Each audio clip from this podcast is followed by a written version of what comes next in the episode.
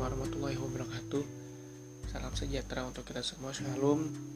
Om Swastiastu Nama Budaya Pertama-tama gue mau ucapkan terima kasih nih Buat respon positif dari teman-teman pendengar Terhadap podcast gue. Karena banyak banget nih yang DM Ataupun WhatsApp gue Merespon positif Dengan kehadiran podcast Celoteh Tengah Malam. Karena sesungguhnya dari respon positif tersebut uh, dari semangat dari teman-teman semua membuat gue makin semangat nih untuk berkarya lewat lewat podcast gitu. Meskipun gue sadar sih podcast gue juga jauh dari kata baik dan sempurna. Yang kedua adalah gue juga mau ucapkan terima kasih untuk teman-teman yang sudah mengirimkan banyak sekali doa untuk gue setelah kejadian kecelakaan kemarin. Uh, alhamdulillah sudah mulai membaik uh, eh, gue mohon maaf kalau misalkan ada pesan dari kalian melalui DM Instagram ataupun dari uh, WhatsApp belum gue respon karena sesungguhnya memang keadaan gue masih belum cukup stabil. Uh, tapi gue usahakan untuk satu persatu gue akan respon nanti. Tapi untuk malam hari ini gue mau membahas sebuah hal. Sebenarnya merespon dari banyak pertanyaan. Kenapa sih gue atau seorang raka itu uh, masih sendiri belum mendapatkan pasangan. Jawabannya sebenarnya sesimpel bahwa sebenarnya di usia gue yang sekarang tahun ini gue 27 tahun gue makin sadar bahwa sebenarnya mencari pasangan itu makin sulit gitu loh. Mungkin teman-teman yang seusia gue atau mungkin yang sesirkel sama gue mungkin merasakan yang sama bahwa di usia 25 tahun ke atas rasanya mencari pasangan itu semakin sulit. Dan itu banyak sekali faktor di dalamnya. Nah gue mau ngebahas nih faktor-faktor apa saja yang membuat kita semakin sulit mencari pasangan di usia 20-an dan untuk teman-teman yang sudah punya pasangan mungkin bisa mempertimbangkan bila mana punya masalah dengan pasangannya. Lalu berpikir untuk mengakhiri hubungan sadar bahwa ternyata mencari pasangan itu sulit loh. Faktor-faktornya apa aja sih? Yang pertama nih sesungguhnya di usia 20-an tahun terutama 25 tahun ke atas kita sebagai manusia itu sudah lebih mengerti apa yang kita mau dan mencari persoalan. Pasangan itu tidak mau sembarangan lagi gitu. Jadi kita tahu lah tujuan kita apa purpose of life-nya kita apa. Berbeda mungkin saat kita SMA banyak sekali yang belum kita inginkan. Ketika kuliah juga belum tahu tujuan kita mau ke mana. Setiap hari itu berlalu dengan prinsip ya udah jalanin aja gitu kan. Termasuk soal pacaran jadi kalau misalkan ketemu nih sama lawan jenis yang uh, ganteng cantik terus enak diajak ngobrol bisa diajak malam mingguan bisa diajak chattingan mau antar jemput dengan setia uh, ya kenapa harus berpikir lama gitu kan? Ya kita pacaran aja langsung jadian aja gitu kan. Habis itu mungkin besoknya langsung dimintain PJ atau pacar jadian sama teman-teman. Nah tapi sekarang tuh beda gitu loh bahwa ketika sudah lulus kuliah lebih tepatnya kita ini udah mulai paham tentang diri kita sendiri. Tahu apa yang kita inginkan dalam hidup. Hubungan itu bukan cuma soal teman malam mingguan bukan cuma teman chattingan bukan cuma teman curhat tapi orientasinya sudah jauh ke depan. Lebih daripada itu banyak sekali hal-hal yang tidak sesederhana hubungan saat SMA ya mungkin yang tadi gue bilang bahwa pacaran lagi ini bukan untuk malam mingguan bukan untuk sekedar pegangan tangan teman ciuman bukan sekedar itu gitu. Tapi ada orientasi lebih tentang masa depan. Itu faktor yang pertama Lalu faktor yang kedua, pandangan kita tentang cinta itu tidak sesederhana ketika saat akil balik atau ketika remaja. Uh, sebuah hubungan lagi ini tidak soal romantika belaka gitu. Jadi dulu itu kalau kita pacaran mungkin sesederhana bahwa bisa pulang bareng ketika kuliah atau ketika sekolah. Lalu rutin malam mingguan bertukar kado nih saat Valentine. Uh, cinta yang hadir itu semata-mata romantika anak muda yang hanya diisi oleh bahagia aja jarang berantem. Tapi uh, dewasa kini tuh pandangan kita udah boleh berubah gitu loh. Ya di usia 25 tahun ke atas lah. Dalam sebuah hubungan ternyata mengandung banyak rasa. Kayak kita mulai berharap terhadap pasangan kita. Ada rasa cemas ketika dia terjadi sesuatu. Ada cemburu ketika dia sedang bersama lawan jenis yang lain. Ada marah ketika dia melakukan kesalahan, khawatir ketika dia memang sedang dalam keadaan yang tidak kita inginkan, dan banyak lagi. Lalu juga selain itu juga banyak lagi cita-cita, eh, ekspektasi, tuntutan untuk menjadi pribadi yang lebih baik setiap harinya untuk pasangan kita. Nah, kita sadar di sini sadar bahwa hubungan berpacaran bukan lagi soal romantisme belaka gitu loh. Bahwa sekarang pacaran itu lebih daripada itu.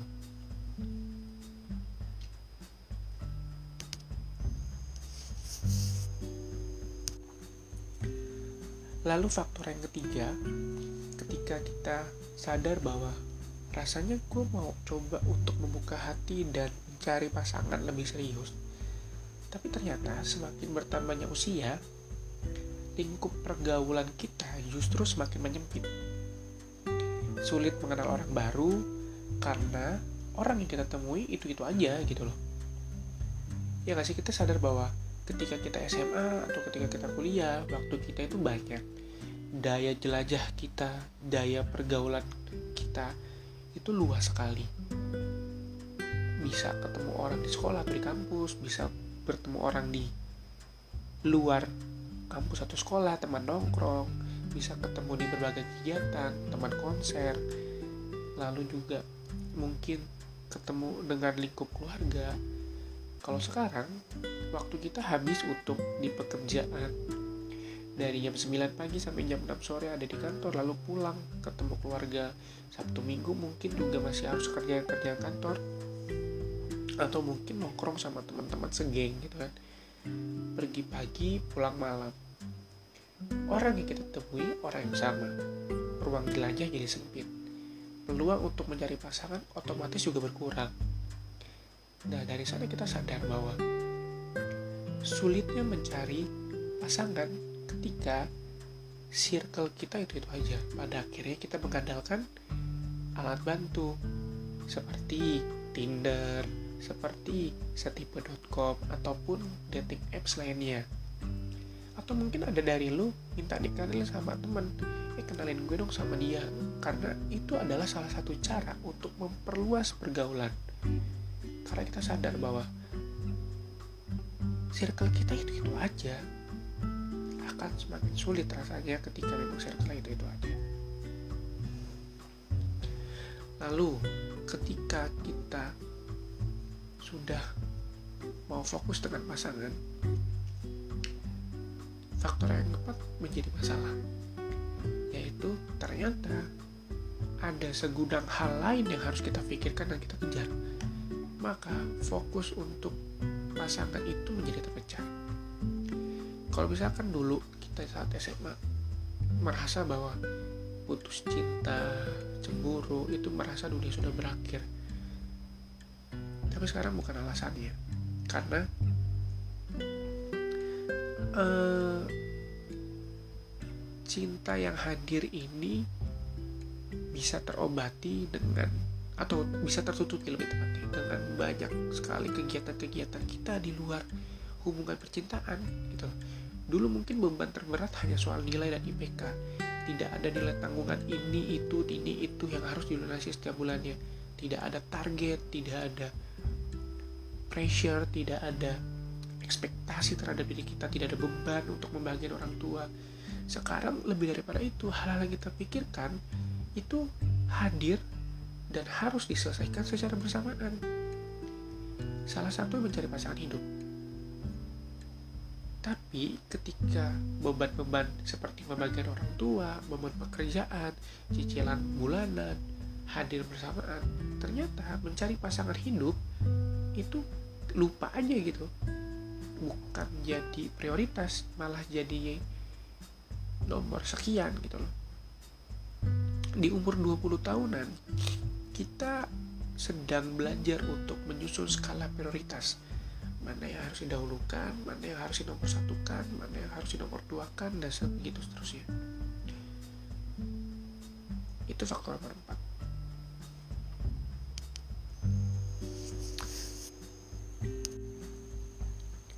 Lalu faktor yang selanjutnya adalah hubungan bagi kita orang-orang yang baru umur 20 tahunan ke atas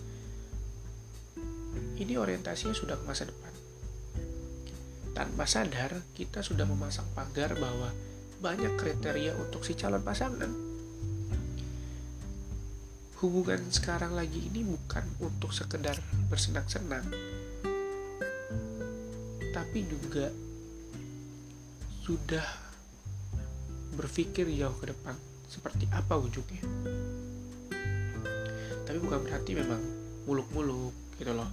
Tapi ini mengartikan bahwa ketika kita memulai sebuah komitmen sekarang itu artinya kita memulai sebuah jalan yang pada akhirnya kita tahu ujungnya adalah pernikahan gitu sudah nggak waktunya lah untuk bersifat kekanak-kanakan terlalu posesif tidak bisa diajak kerja sama. Itu udah nggak saatnya. Tapi itu adalah hal yang wajar lah ketika memang udah umur 20 tahunan dan orientasi kita ke masa depan. Justru ketika kamu sudah umur 20 tahun ke atas dan berpikir untuk masih main-main there is something wrong with yourself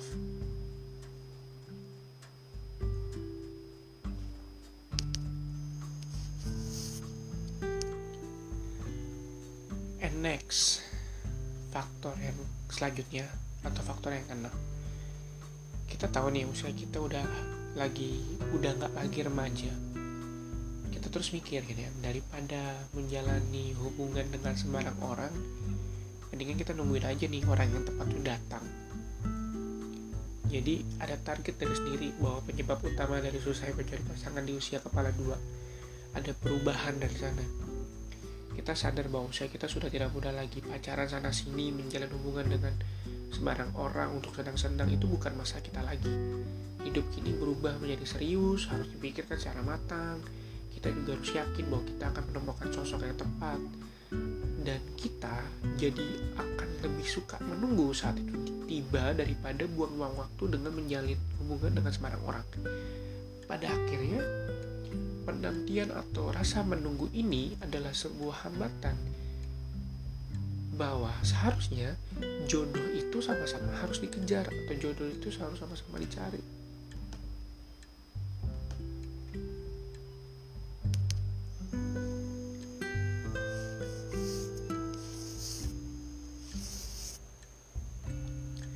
Sadar nggak kalau misalkan kita sering banget menunggu sesuatu hal yang nggak pasti. Misalkan nih gini, lu suka sama cowok tapi lu nggak yakin sama dia, akhirnya lu nunggu si cowok ini untuk ngejar lo gitu loh. Ini ini yang yang sering banget terjadi di dunia remaja yang pada akhirnya menunggu ini adalah sebuah proses bentuk pembuangan waktu paling efektif rasanya. Asal lu menunggu dengan kegiatan yang positif. Itu saran gue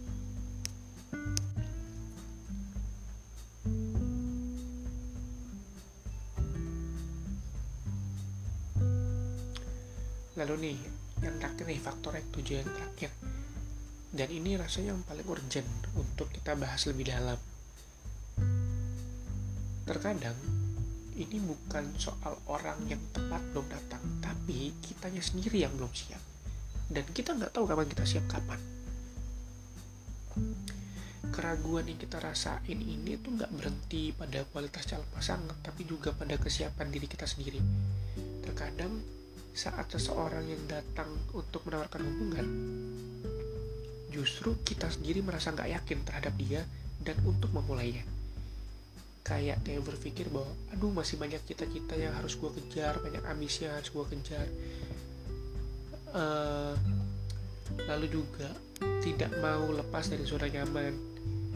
Hidup damai dalam sebuah pernikahan itu bukan berarti sebuah kemustahilan ini yang yang menjadi banyak batu sandungan termasuk gue kayaknya alasan gue ada di sini bahwa gue terlalu, terlalu takut untuk memulai komitmen baru.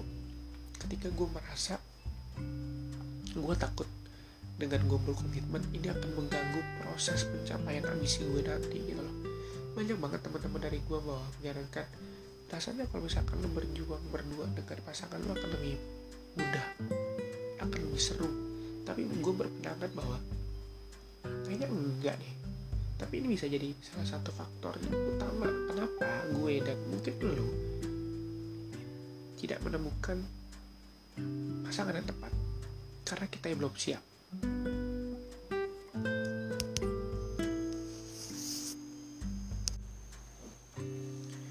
Lalu jika pertanyaan selanjutnya adalah lalu gimana ya untuk kita bisa mendapatkan pasangan yang sesuai dengan kriteria.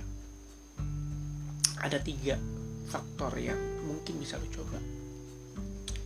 Yang pertama adalah kenali diri kenali dulu diri lu tuh siapa dan apa mau lo purpose of life lu juga harus jelas. Dari sana akan terlihat lu butuh pasangan yang seperti apa sih? Lu butuh pasangan yang bisa support lu seperti bagaimana sih? Karena tanpa tujuan yang jelas sama aja lu nggak tahu bahwa lu itu siapa dan bagaimana serta apa yang lu mau. Lalu yang kedua bertemu dengan banyak orang banyak. Bertemu dengan orang banyak maksudnya bertemu dengan banyak orang baru. Ikutlah kegiatan di luar pekerjaan rutinitas lo jangan sungkan untuk berkenalan dengan orang di kafe. Atau mungkin sorry ini gue bilang atau mungkin memang dating apps itu bisa jadi salah satu alternatif ketika memang uh, ketika memang circle itu, itu aja. Nggak ada salahnya mendapatkan jodoh dari apps itu bukan sebuah bukan sebuah apa ya bukan sebuah aib bukan sebuah masalah menurut gue. Itu adalah salah satu cara kok. Dan selama cara yang digunakan dengan cara yang benar why not gitu. Lalu yang ketiga dan yang terakhir adalah beri target sama diri lo. Sebenarnya mau sampai kapan lo kayak gini mau sampai kapan lo mengejar ambisi? Mau sampai kapan lo sendiri? Mau sampai kapan lo menutup hati lo beri target. Ketika oke okay, gue mau nikah di umur 30 which is lu harus bisa menemukan pasangan sekitar mungkin dua atau tiga tahun sebelumnya. Karena proses pengenalan itu kan panjang. Kecuali mungkin lu adalah tipe-tipe orang yang taaruf. Silakan kalau misalkan lu mau taaruf taaruf lah. Atau memang lu tipe-tipe orang yang gerak cepet bisa lah sekitar sebulan dua bulan langsung menikah bisa.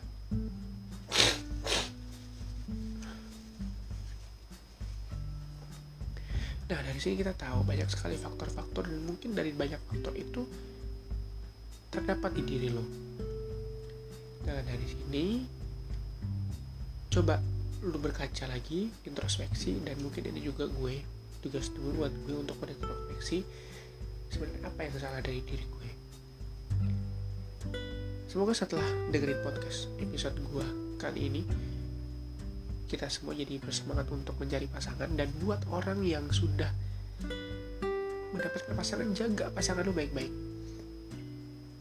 Ketika lo merasa pasangan lo ini adalah orang yang memang sangat membuat lo nyaman jangan pernah terbesit sekalipun sedikit pun atas masalah apa pun untuk mengucapkan putus. Kecuali memang untuk hal-hal yang urgensi. Misalkan cowok lu atau cewek lu ketahuan selingkuh. Itu udah mungkin udah urgent lah tapi untuk masalah-masalah kecil kayak misalkan jemput telat nggak pernah ngechat atau mungkin lebih sibuk dengan pekerjaan coba dibicarakan dengan baik-baik pasti ada jalan tengahnya karena sesungguhnya cari pacar atau cari pasangan di umur 20 tahunan ke atas yang sesuai dengan kriteria masa depan itu sulit. Ya seperti tadi sudah kita bahas bareng-bareng. Kalau lu ada pendapat lain atau punya perspektif lain soal sulitnya mencari pasangan di usia 20 tahunan, lu bisa DM gue di @raka_prabodito. Kita bisa diskusi di sana atau mungkin setelah ini kita bisa bikin konten podcast bareng lu bisa jadi tamu di podcast gue. Gue selalu terbuka dengan kritik dan saran. Jadi kalau misalkan lu punya kritik atau saran atau apa pun yang mau kita bahas bisa lu DM gue di Instagram @rakaprapurito sudah hampir pagi sudah pukul 2 dini hari gue besok harus bekerja.